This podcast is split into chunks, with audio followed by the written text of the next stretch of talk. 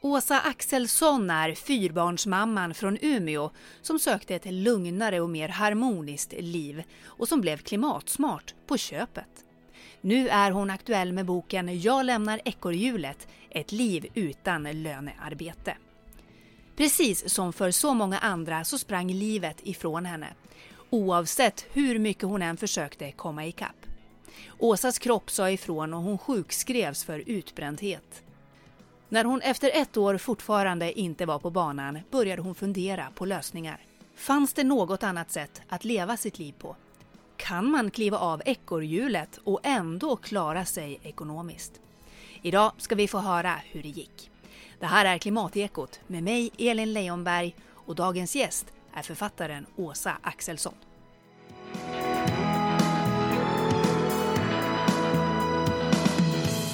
Hej!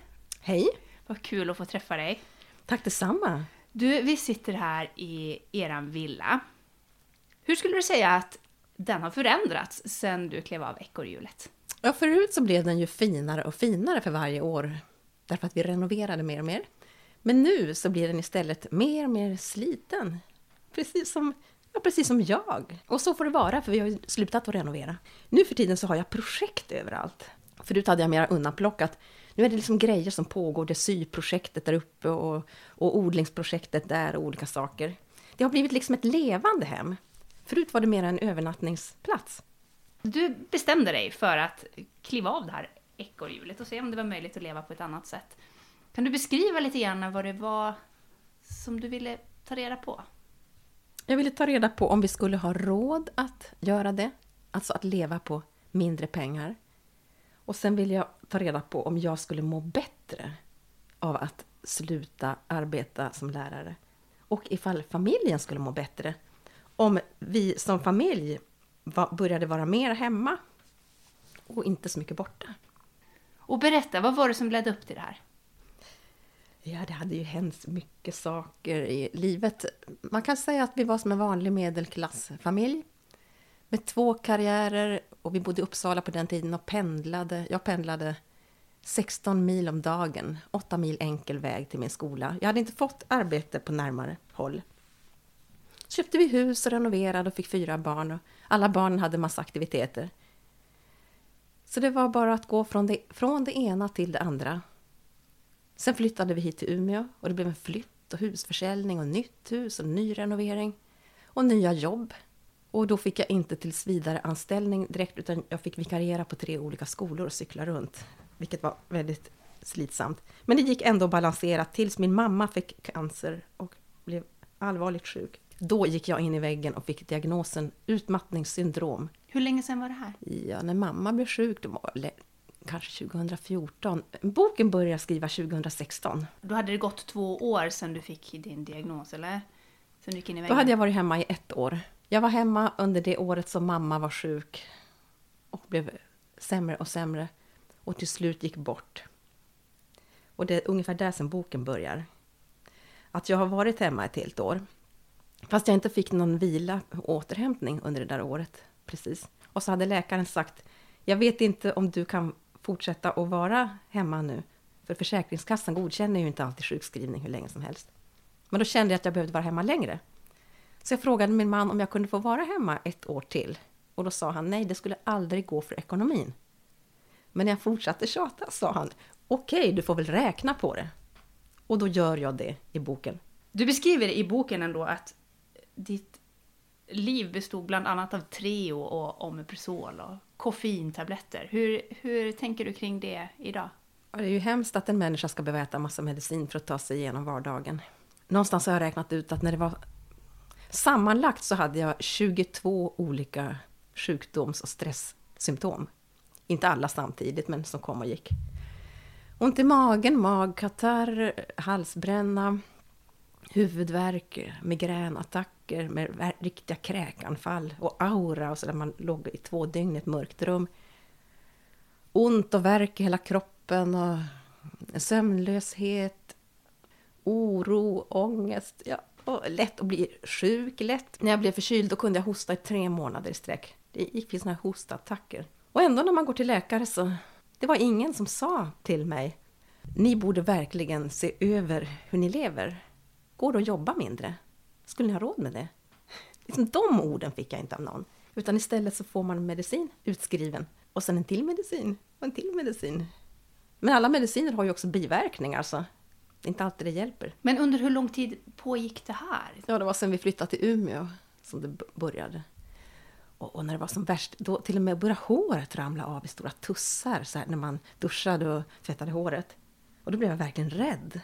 Jag fått en allvarlig sjukdom. Men alla prover visar ändå okej, så... Ja, Fanns det någonstans där med det att, att det kunde vara stress? ja eller hur absolut. Ja, det har jag tänkt. Jag har fattat hela tiden, ända sedan jag fick mitt första barn, att det har känts som för mycket. Och försökt fråga människor på barnavårdscentralen och andra bekanta och, och äldre kvinnor jag känner och yngre kvinnor jag känner. Och svaret man får av alla är ju egentligen Ja, det är kämpigt under småbarnstiden, det är bara att bita ihop. Det går över. Och tänk inte så mycket.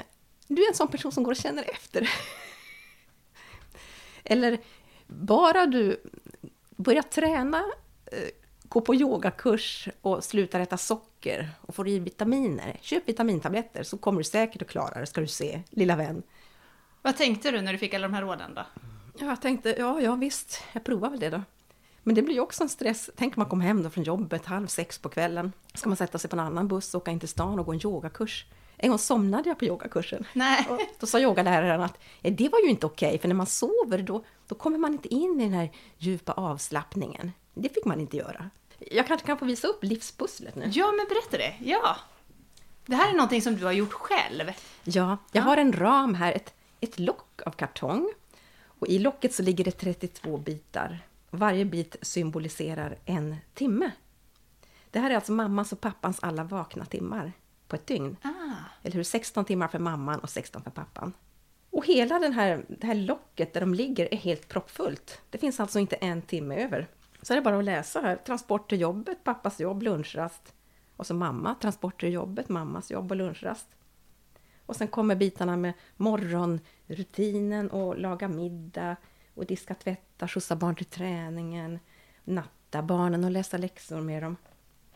Och så har vi pappa träna där på slutet en timme. Och så lite övertidsjobb längs med kanten. Så, det är proppfullt. Har det gått ihop? Ja, det går ju ihop precis med nöd och näppe, men som sagt, var är avslappningen, återhämtningen, vilan, den här dödtiden? Det sägs ju att barn behöver göra ingenting för att bli kreativa.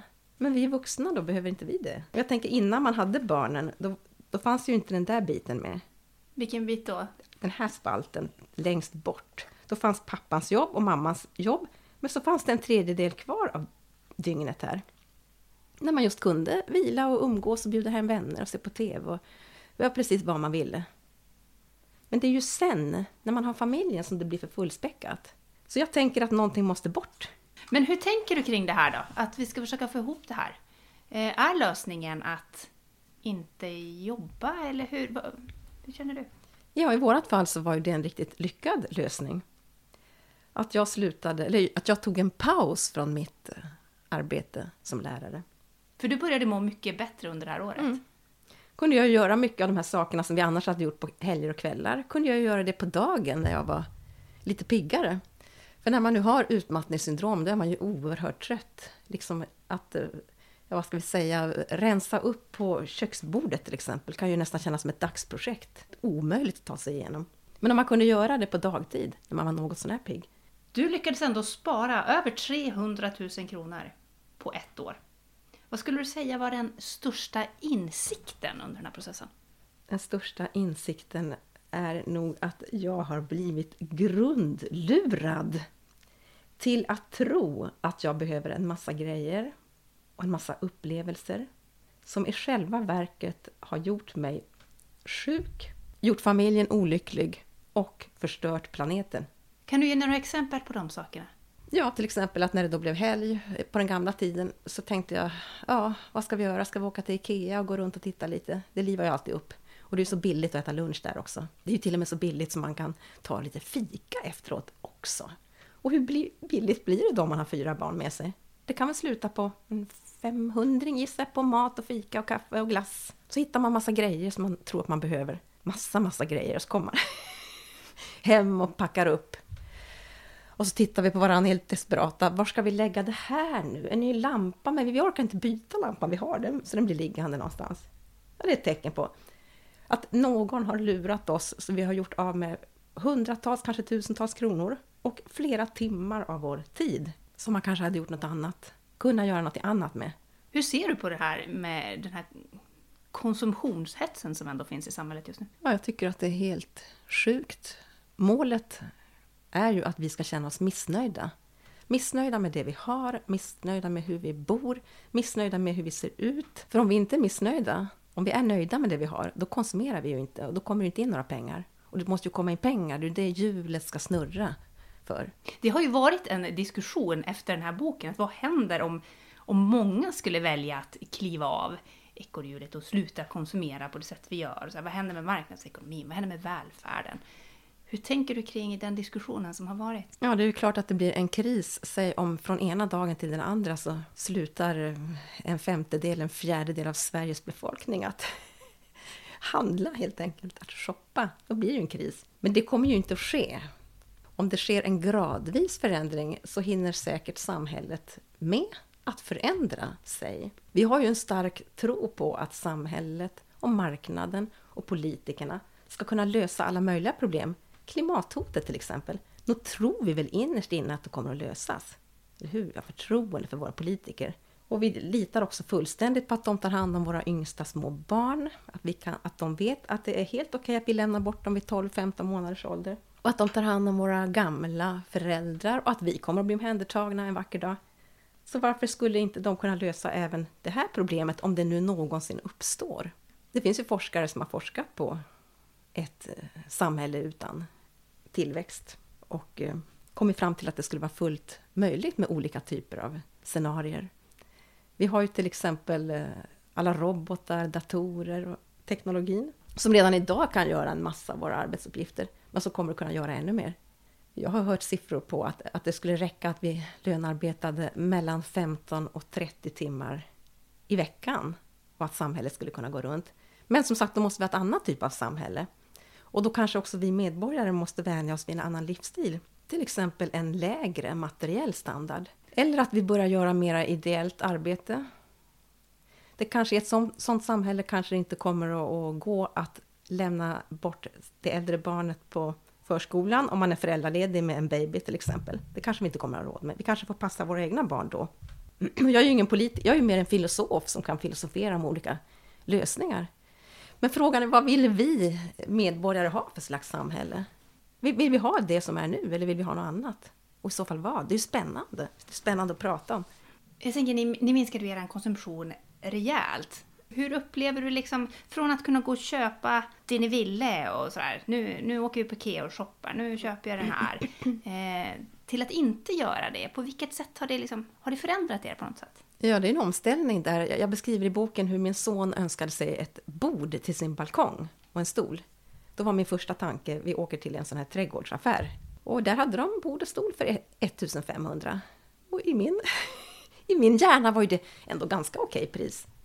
Men det är ju då som jag försökte tänka om. Går att hitta ännu billigare? Och, och vart vänder man sig då? Jo, kanske Röda Korset, kanske Myrorna, kanske den här, vet inte vad det heter där borta på Strömpilen? Återbruket. Återbruket, ja. Där man lämnar in mm, eh, ja.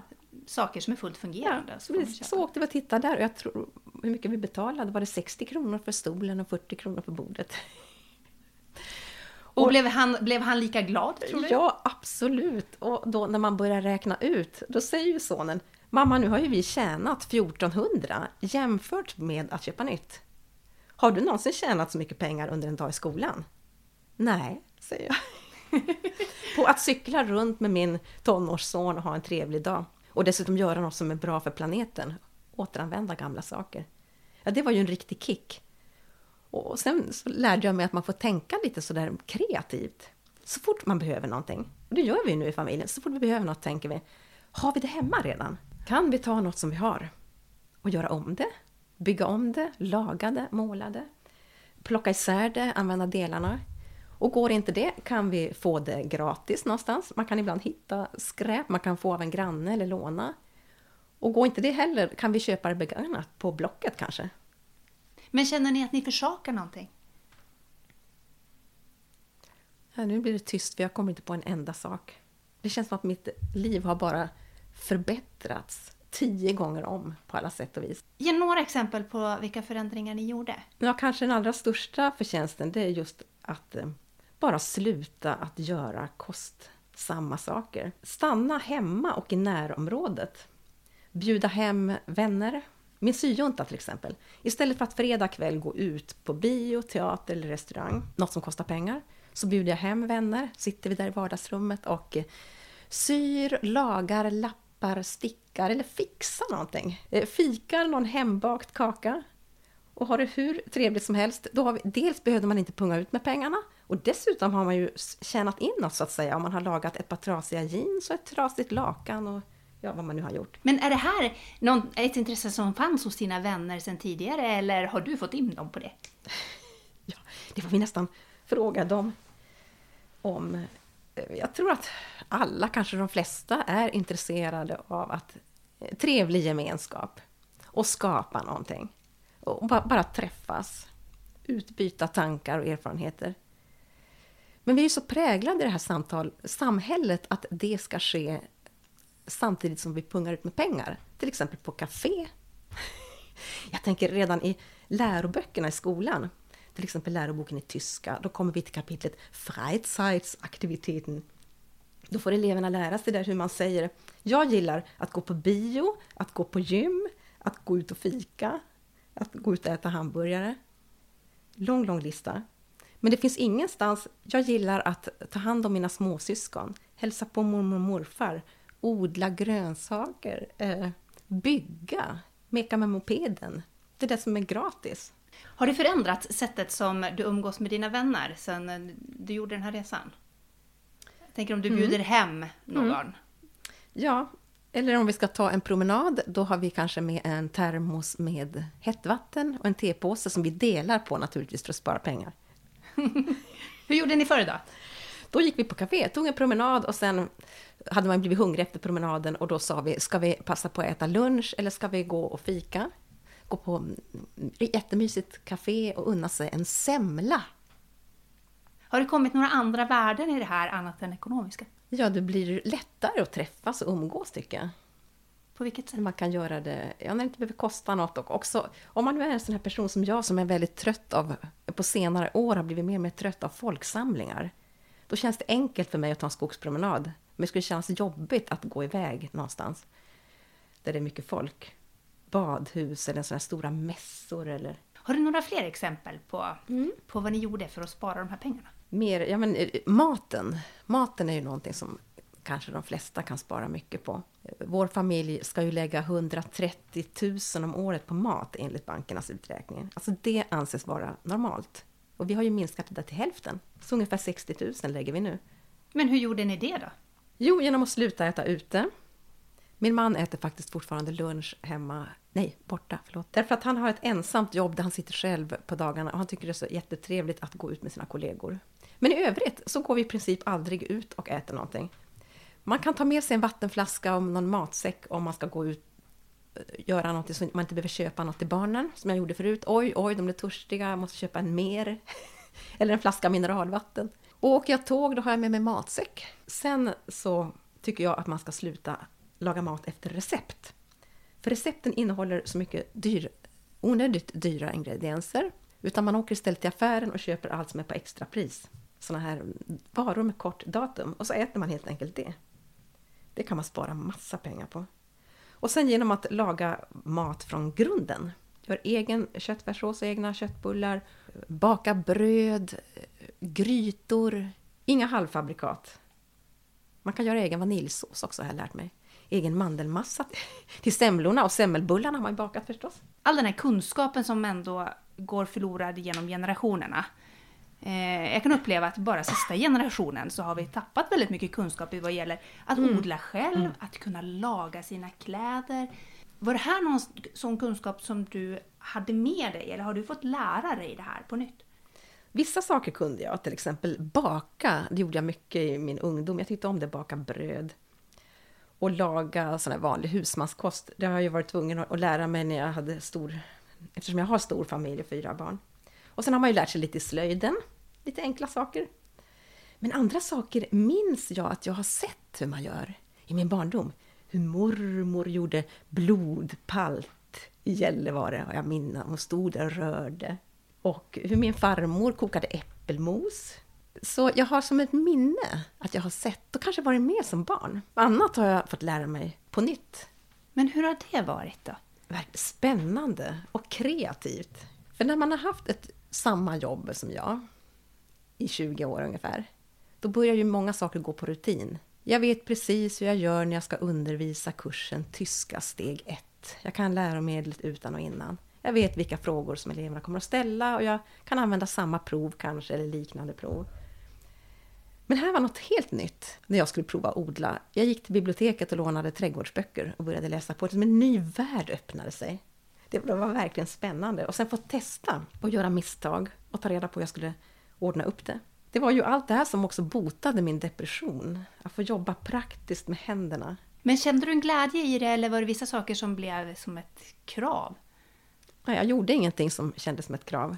Jag lät bara lusten styra från ena dagen till nästa. Alltså det tar ju tid att lära sig också, till exempel hur odlar man? Det är inte bara att lära sig odla, så man fixat det på en kväll och så kan man göra det parallellt när man jobbar heltid. Om man inte har den här tiden hemma, liksom, hur, har du några tips på hur man ändå kan få, få mm. till sig den här kunskapen? Ja, alltså jag tycker att man ska inte satsa på så stora projekt. Till exempel från att inte kunna något så får man för sig att man ska bli självförsörjande på grönsaksodling. Och, ja, det, det blir omöjligt. Men man kan ju börja med något väldigt litet. Till exempel prova att sätta ett enda tomatfrö i en kruka och ha på sin balkong. Det kan ju bli första våren. Och det tror jag att alla kan lyckas med. Sätta lite lämpligare ja, mål ja, kanske? precis. Göra det i liten skala, vad det nu än är. Man behöver inte sy en fullständig ny vårgarderob på sig själv. Man kanske ska börja med att sy en knapp på barnets jeans. För i, i debatten ibland kan jag uppleva att, att man får känslan av att man ska, man ska göra allting på en gång. Mm. På något sådär. Och som du, just som du säger, att ja, men nu, nu ska man odla själv och då ska man helst vara självförsörjande. Första ja, sommaren. Det, det är ju alldeles för mäktigt. Bara du säger det tappar man lusten direkt.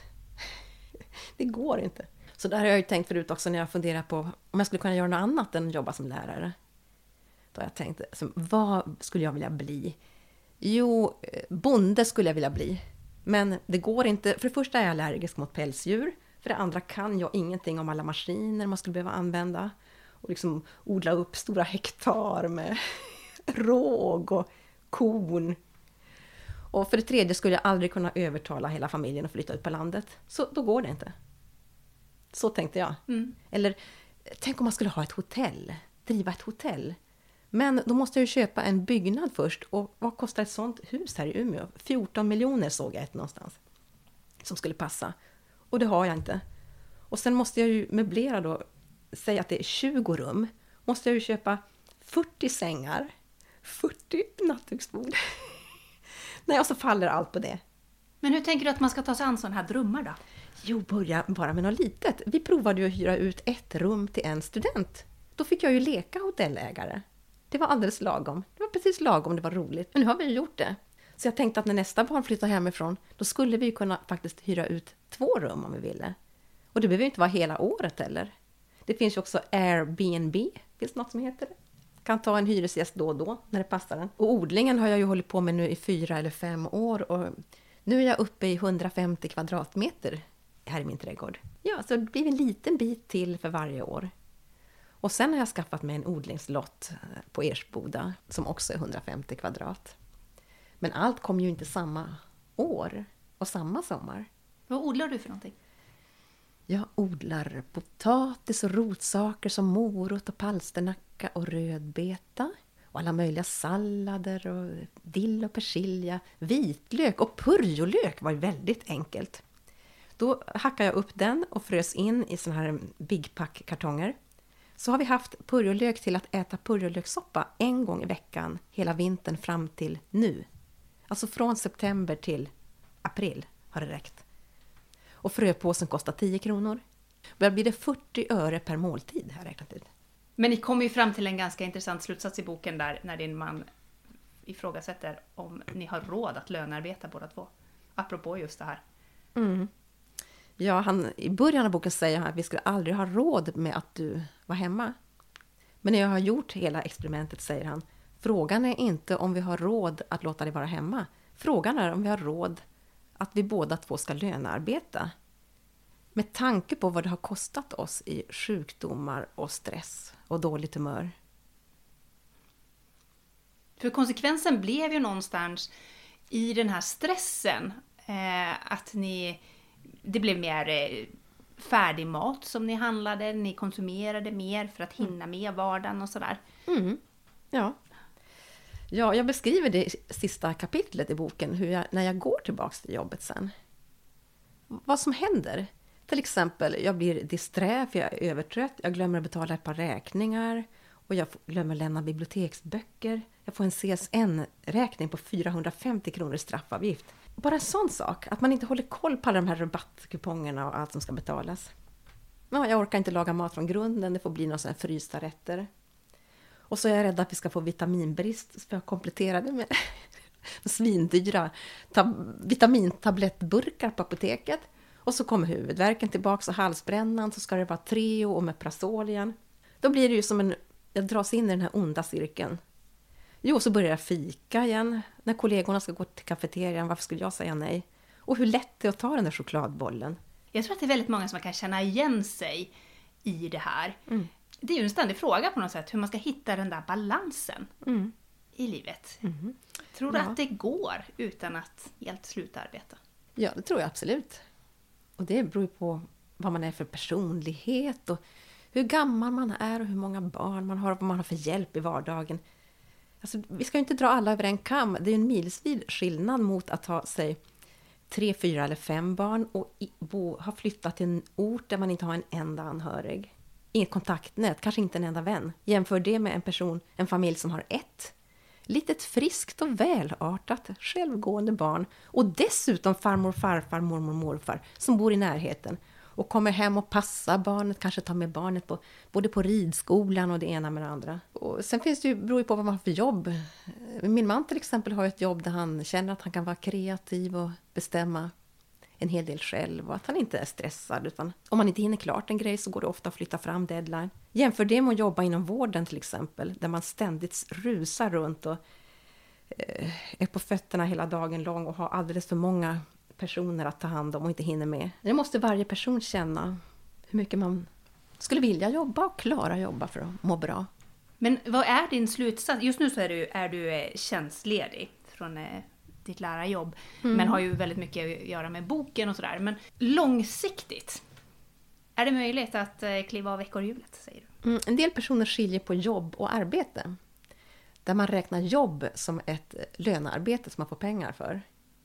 Medan arbete kan vara allt möjligt som till exempel ta hand om barn eller ideellt arbete som man gör. Man kanske jobbar på självmordslinjen Mind eller man kanske jobbar extra på hospice eller jobbar med flyktingar. Eller hjälper grannar, gå ut med deras hundar, skotta deras snö. Jag tror att de flesta människor vill göra någon typ av arbete. Ja, men det här som vi gör nu, du och jag, är också en typ av arbete som känns väldigt intressant och värdefullt. De flesta människor vill arbeta, men sen är frågan under olika perioder av livet, vilken typ av arbete? Och jag tänker att ett arbete som inte alls värderas idag, det är just att ta hand om barn. Det är mer än ett heltidsarbete, tycker jag, både vara gravid och ha små barn. Det är orimligt kanske för alla familjer att klara av att båda ska dessutom ha ett jobb på sidan om. Hela den här grejen med att inte jobba, att eh, odla själv, att eh, laga och sy dina kläder. Eh, vad hade ditt 30 eller 40-åriga jag sagt om detta? Redan som barn hade jag en drömvision av mitt liv. Jag har skrivit ner den när jag var 12 år gammal. Det är en 14 sidor lång berättelse. När jag var 12 år, nästan tonåring, då tänkte jag att målet med mitt liv var att ha jättemånga barn, bo lantligt och vara ute mycket och hålla på med just med odling och, och slå hö med lie. Gräs heter det kanske, och sen blir det hö. Och bygga härsor och lä, liksom vara med barnen i vardagen och lära dem och laga mat och plocka bär i skogen. Ett sånt där gammaldags liv. Hade du ett sånt liv själv som barn? Ja, delvis. Vi hade en sommarstuga i Kalix och där var ju livet så på morgonen. Man steg upp, vi cyklade in till stan, till Kalix, mamma och barnen. Det var en mil dit. Vi handlade lite grann för dagen och så cyklade vi hem. Och sen gick vi till bärskogen och plockade blåbär och lingon. Och sen skulle man rensa bären och sen bakade vi blåbärsbullar. Och jag minns att allt det där var som en lek. Jag var som person, jag tyckte det var roligt. Ibland tog vi roddbåten och rodde tvärs över sjön och plockade bär där. Och så den där känslan att komma hem sen och vara trött. Ja, och visst, sen när arbetet var klart, då tog man en paus. Då kunde man läsa eller åka på en liten utflykt och köpa sig en glass på mack macken eller gå in på biblioteket. Men det här att vara i rörelse och syssla med praktiska saker. Men förändrades det där över tid? Ja, sen förstod jag ju när jag blev äldre och hade gått ut skolan att man måste ha ett jobb också. Men det visade sig att det inte var så lätt att kombinera de här två. En karriär med min dröm. Men du frågade vad jag skulle ha sagt när jag var 30 eller 40 år? Om att få vara hemma hela dagarna och odla grönsaker och laga mat. Ja. då hade jag sagt ja, ja, åh, om man bara kunde få det. När jag var 30 och 40 år trodde jag inte att man fick det. Jag trodde då att man var tvungen att arbeta och helst av allt heltid. Och när du säger att man inte fick det, mm. för vem fick man inte? Ja, ja, bra fråga! Vem är det som bestämmer över våra liv egentligen? Är det vi själva eller? Jag minns då inte att jag skrivit på något slags kontrakt där det står nu eftersom du har fått ta ett CSN-lån och fått utbilda dig till lärare så skriver du också på ett kontrakt att du ska arbeta heltid i 35 år. Alla de här förändringarna som ni har gjort, eh, det har ju inte bara lett till att ni kan klara er på en lön. Det har också gjort en väldigt stor skillnad i ert ekologiska fotavtryck. Ni har skurit ner med två tredjedelar. Från vad var det, 6,6 jordklot till 2,2. Ja, det här 6,6. Jag får säga att jag har räknat på ett sånt där litet, ganska kort test på nätet. Och så har jag räknat på det absolut värsta året som jag kunde tänka ut i vårt förflutna. Hur såg det ut då? då? Jo, så här var det. Jag pendlade 60 mil per vecka till arbetsplatsen. Även helgerna åkte vi bil in till stan för att shoppa. Och det, det var ju inte enbart för att jag var shopping, shoppinggalning, utan vi hade köpt ett stort hus och var också tvungna att möblera det där huset. Ja, så flög vi några gånger om året. Inga långresor, märk väl. Vi har aldrig varit i Thailand till exempel. Så hade vi två blöjbarn som vi använde engångsblöjor till. Tygblöjor vill jag aldrig befatta mig med, jag tyckte det verkade vansinnigt snuskigt. Vi källsorterade inte på den tiden och det var inte vanligt då, jag talar om början av 2000-talet. För att få plats med allt skräp, alla kartonger och alla blöjor hade vi beställt en extra soptunna. Så vi hade två enorma soptunnor på vår uppfart som var proppfulla med skräp. Så hade vi en stor dieselbil. Vi hade direktverkande el i villan som vi sen bytte till bergvärmepump. Och vi åt nog en hel del kött. Man börjar frukosten med skinkmackor, och leverpastejmackor. Och så till lunch var det kanske kött, köttfärssås och spaghetti och sen var det mer skinkmackor till mellanmålet. Och sen till middag var det kanske kotletter och potatis. Och sen en prickig korvmacka till kvällsmat. Det blir kött fem eller sex gånger om dagen. Och hur ser det ut nu? Vi har ju båda två skrivit på det här kontraktet, min man och jag, att vi lovar att inte flyga under 2019. Sen har vi bytt bilen. Vi har bytt den här stora dieselbilen till en liten vanlig bensinbil. Och jag vill ju egentligen inte ha någon bil alls, men nu är det så att resten av familjen vägrar att gå med på allt som jag bestämmer. Mm. Vi återvinner ju allt skräp väldigt ordentligt. Jag försöker, jag försöker faktiskt använda allting. Alla förpackningar. Liksom ett cornflakespaket, det kan man använda en gång till också innan man ens slänger i återvinningen. Kanske barnen vill pyssla mer eller bygga någonting. Om vi åker någonstans åker vi tåg. Så försöker vi äta mer vegetariskt. Ni har kommit ner till 2,2 jordklot, har du räknat? Ja, och egentligen skulle man vilja komma ner till 1,0. Igår gjorde jag ett sånt där test igen. Och så räknade jag liksom, om jag fick välja, säg vi, vi säljer bilen till exempel, slutar äta kött helt och hållet.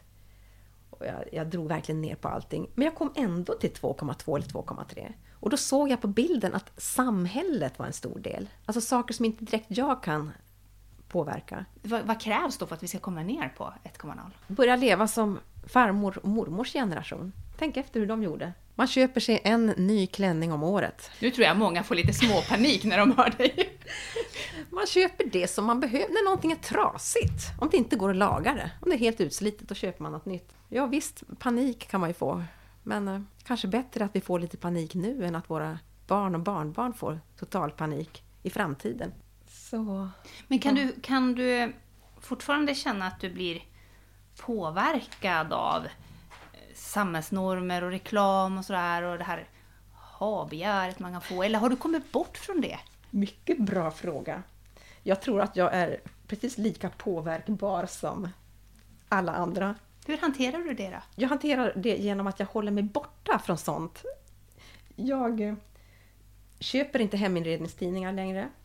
Jag ser inte på TV annat än tankeväckande dokumentärer. Jag kollar nästan aldrig på andra människors Facebook. Jag har inte Instagram, förresten har jag ingen mobiltelefon heller. Det är kanske samma sak som att jag har aldrig alkohol hemma och inte heller karra. Därför att har jag chokladkaka hemma eller en chipspåse, då kommer jag ju gå och äta av det. Jag går inte heller in i inredningsaffärer. Om jag går in på, i någon sån där affär på stan, då kan jag visst känna det där suget komma tillbaka. Och det här, åh vad fint! åh, om man ändå hade så här och oj vad det är fult hemma hos mig. Sen tycker jag inte att det är fel att vara intresserad av mode eller heminredning eller skönhet. Men eh, det kan man ju syssla med utan att behöva satsa på det dyraste. Till exempel köpa en begagnad möbel och sen göra om den.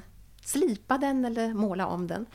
Och bara möblera om hemma tycker jag är jätteroligt. Det blir ju som ett helt... Det här att vi har matsal nu till exempel, här inne, det är ju nytt. Här var min mans arbetsrum förut. Det har inte kostat oss ett öre. Vi fick bra motion när vi släpade runt möblerna. Och nu känns det som spännande här i det här nya rummet. En helt ny utsikt. Skulle du säga att det här är en livsstil som passar alla? Nej, det tror jag inte. Jag tror att det kan... Varje familj måste hitta sin lösning. Kan man liksom plocka russinen ur kakan ur din bok? Eller tror du att man behöver hela konceptet? Nej, man kan absolut göra någonting av det jag beskriver eller lite grann eller mycket eller något helt annat som man själv har kommit fram till. Jag tänker att om man fortsätter att man är fast i det här, eh, där du var. Eh, mm. Heltidsarbete, barn, fullt upp hela tiden. Mm. Och känner att men jag måste göra någonting. Jag vill göra någonting mm. av det här. Mm.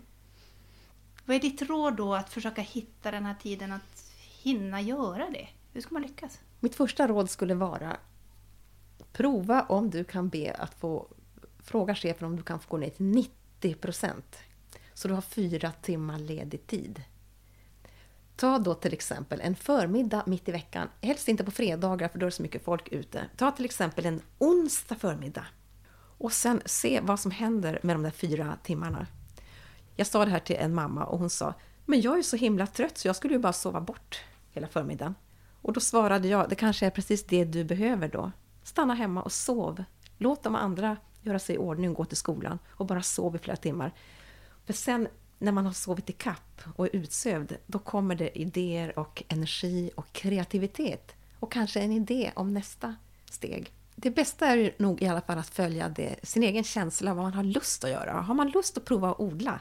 Ja, men köp dig en pallkrage och en säck jord. Eller kom till Broparken i Umeå till den här stadsodlingsgruppen. Du behöver inte ta med någonting, du bara kommer dit och du är hjärtligt välkommen till gruppen och du är med så mycket eller lite du vill. Och så får du, delar man på skörden efteråt. Har jättetrevligt. Får både grönsaker och vänner.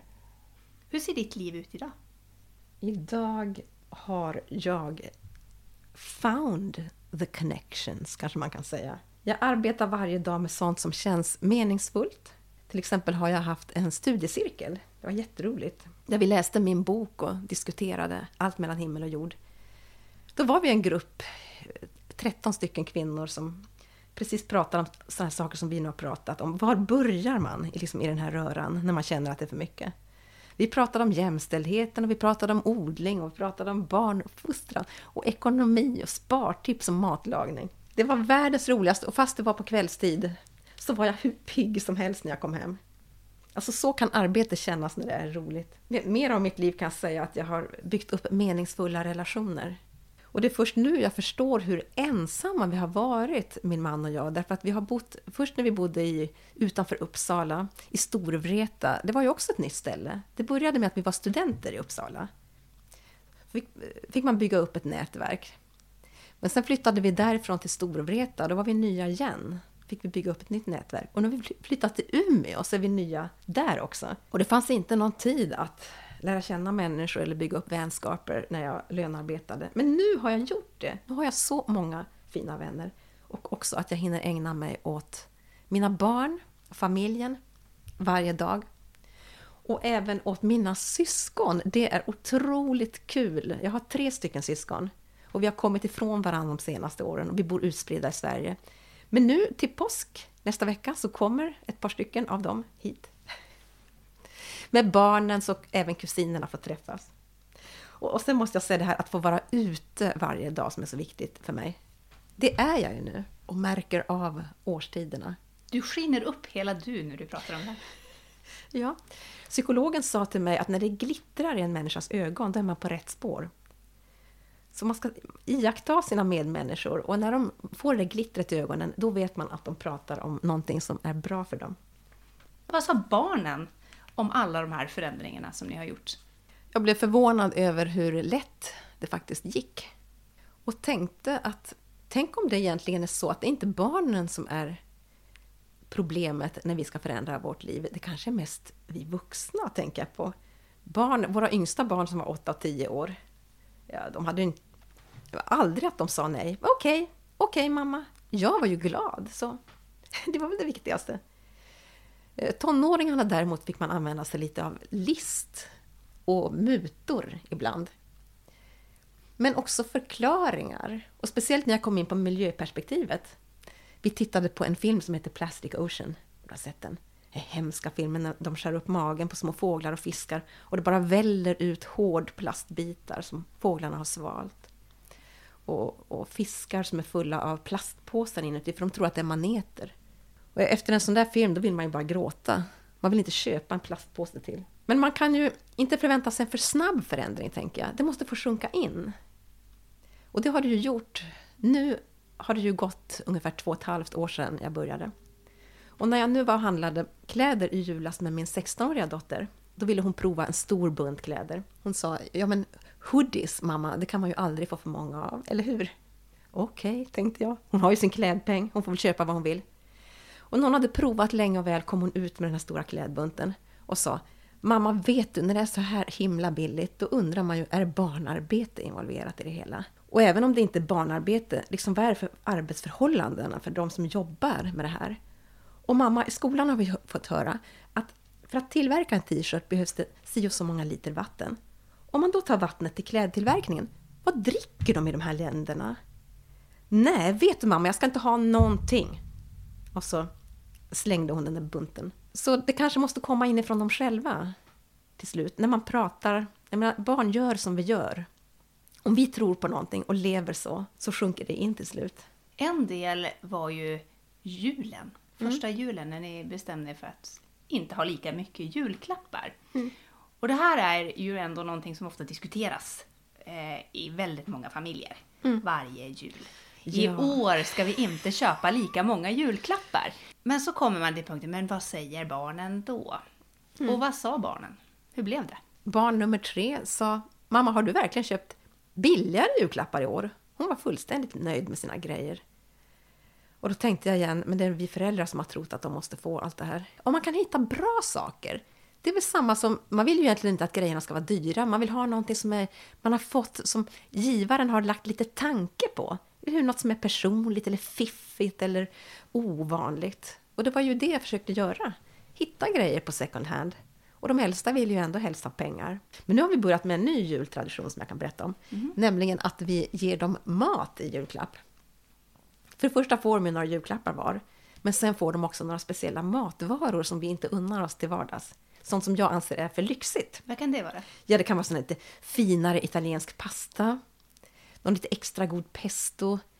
Eh, sonen gillar såna här salamikorvar från olika länder. Sån här torkad korv. Och det kan vara, mm, Lillan älskar ju allt som handlar om jordnötter. Jordnötssmör och jordnötter i olika varianter, jordnötsgodis. Och lite lyxigare kanske salta kex eller några kakor eller något godis. Och det här har blivit verkligen populärt. Ja, ost också. Västerbottensost och brieost och mögelost. Och det här gillar de? Ja, för att förut kunde vi unna oss, unna oss, gör jag med citationstecken, även på vardagarna. Ja, du vet, efter en så kämpig dag på jobbet och så mycket problem och så mycket rättning framför mig och så många nationella prov. Då måste jag unna mig den här goda osten och den här goda drycken och den här goda maten och den här goda chokladen. Nu när vi inte unnar oss det utan lever mest på havregrynsgröt och hemodlad potatis, då känns det lyxigt med de här matvarorna. Så genast på julaftonskvällen sliter de upp sina paket och så börjar de äta och så, och så jag bjuder dig, här du får en ostbit och så får jag korv av dig. Och då är dessutom julaftonens kvällsmat räddad. är det någonting eh, som ni, när ni summerade året, som ni kände att äh, men här har vi gått lite för långt, det här vill vi ha tillbaka? Ja, de, barnen hade ju varsitt önskemål. Ett barn ville gå och klippa sig lite oftare och då fick hon börja göra det. Sonen eh, ville hellre ha varm mat, eller varmgröt är också varm, men han ville ha kött och potatis till lunch. Och då bestämde jag att han skulle få det. Då fick de ju sina önskemål. Men eh, det var ju bara små saker. I det stora hela var de ju nöjda faktiskt. Var det någonting som du kände att eh, du ville backa på? Ja, det var en sak och det var att hälsa på våra närmaste släktingar lite oftare. Min pappa och barnens farmor och farfar. Så då, då la vi in ett par extra resor i budgeten. Och det var ju inget problem eftersom ekonomin hade blivit så väldigt bra. Alltså man ska behöver inte spara för sparandets skull. Det skulle jag kalla för dumsnålt. Vi ska ju spara för att få råd med det som verkligen betyder något för oss. Om det nu är eh, god mat eller om det är resor eller vad det nu är för någonting. Känns det som att du har nått dit du ville nå? Ja, jag tänker numera att varenda dag att wow, vilket bra liv vi har, vilket fint liv vi har. Allt det här som vi har byggt upp, det har ju blivit som min dröm, den där drömmen jag hade när jag var 12 år. När vi däremot har jobbat som mest och varit stressade, då har jag ibland tänkt att nu har vi ju ett fint hus, men vad spelar det för roll, för jag är ändå aldrig glad. Det finns inget ställe i huset jag trivs att sitta. Jag har inte tid att bjuda hem vänner. Men nu har jag liksom landat här i att nu, det här är mitt hem och jag trivs här. Synd bara att det skulle behöva ta 50 år. Jag tänker att om jag hade kommit över den här boken som jag själv har skrivit när jag var 40 år hade jag kanske inte behövt gå in i väggen. Sen vill jag också säga att eh, ja, man känner att det här är lite väl, jag är lite väl extrem och eh, att man inte ska behöva eh, spara så här mycket. Då kanske man kan tänka sig att, om man vill alltså, att man kan göra det bara en tid. Att man kan leva lite enklare under ett år, eller två. Tills man har kommit över den här värsta, värsta småbarnsstressen eller tröttheten eller, eller sorgen efter någon som har gått bort. Eller, sen så kanske man kan gå upp igen. Jobba mer och göra mer och också ha lust och ork att göra det.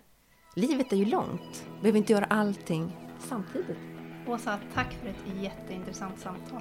Tack, tack. Och på klimatekot.se och på vår Facebook så finns det massor med extra material för dig som lyssnar. I nästa avsnitt får vi möta Charlotta Hedberg som har forskat om det här med att downshifta och leva sitt liv på ett annat sätt. Missa inte det. Vi hörs.